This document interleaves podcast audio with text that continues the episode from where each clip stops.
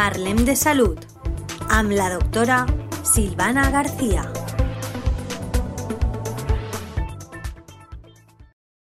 Hola oyentes de la Tegua Radio, otro jueves más juntos y hoy eh, hablaremos en especial de cómo proteger a los niños y adolescentes frente a la gripe.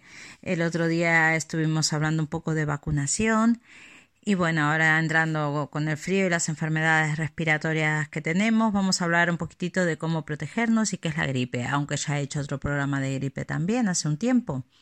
Y bueno, ¿qué es la gripe? La gripe es una enfermedad respiratoria muy contagiosa, producida obviamente por el virus de la gripe. Mm, generalmente afecta a adultos, son los más vulnerables, adultos mayores, adultos con alguna enfermedad crónica y también afecta a los niños en un 20 a un 30%. No suele haber casos graves, pero sí los hay en menores de 4 años. ¿Y cuántos tipos de virus de gripe hay? Tenemos eh, cuatro tipos de virus de la gripe, el A, el B, el C y el D. Los tipos A y B son los que afectan a los humanos y también causantes de las epidemias estacionales. Los virus tipo A pueden clasificarse en diferentes subtipos según las combinaciones de las dos proteínas de su superficie, mientras que los de gripe B pertenecen solo a dos familias, las B Yamagata y B Victoria. ¿Qué síntomas podemos encontrar? Fiebre elevada, decaimiento, tos, escalofríos, dolor de garganta y molestia al tragar, congestión nasal y mocos, dolor de cabeza, dolor muscular, vómitos, en algunas ocasiones también diarrea, a veces conjuntivitis y a veces también fatiga y ruidos en el pecho al respirar, los pitidos que llamamos sibilancias. ¿Cuánto duran los síntomas? De 5 a 7 días. ¿Y cómo se contagia la gripe? A través del aire, al toser o al estornudar o al hablar, a través de dar la mano a alguien enfermo de gripe o compartir objetos. ¿Y cómo podemos prevenirlo? Pues nada, la medida preventiva más eficaz que conocemos hasta ahora para no contraer ni contagiar la gripe a otras personas es la vacunación. De ella hablamos el otro día.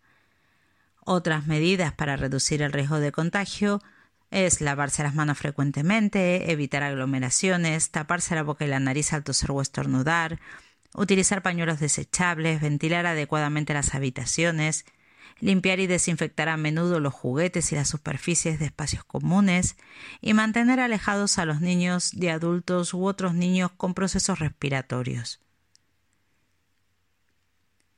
Estos consejos los tenemos más que asumidos en los tiempos que vivimos del COVID, pero siempre son útiles y espero que nos sirvan para tener menos casos de gripe este año. ¿Y cuando hay que vacunarse? Sabemos que la campaña empezó ahora a principios de octubre y la mejor época para vacunarse es el otoño.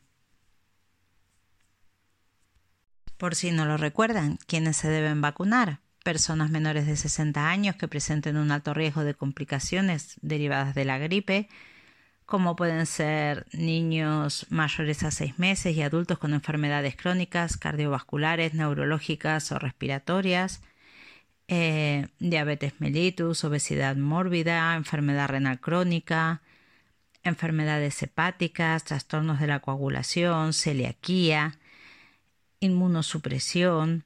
Hay muchas enfermedades de base que predisponen a que uno pueda ser un poquitito más vulnerable, por lo cual esas personas deberían de vacunarse.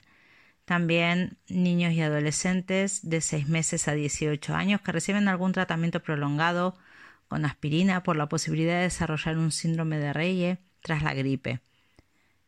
Residentes de instituciones cerradas de cualquier edad a partir de 6 meses y embarazadas en cualquier trimestre de gestación y durante el puerperio, si no se han vacunado durante el embarazo. En caso de que sea durante el puerperio, tiene que ser 10 días después del parto.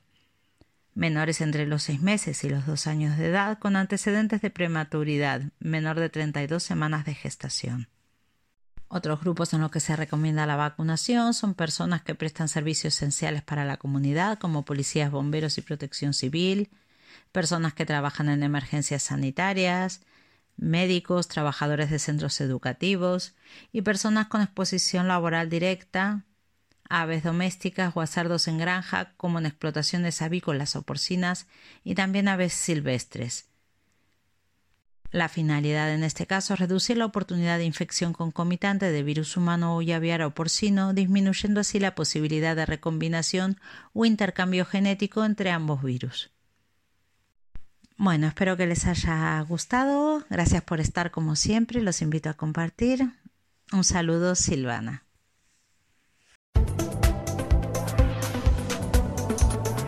Parlem de Salud. Am la doctora Silvana García.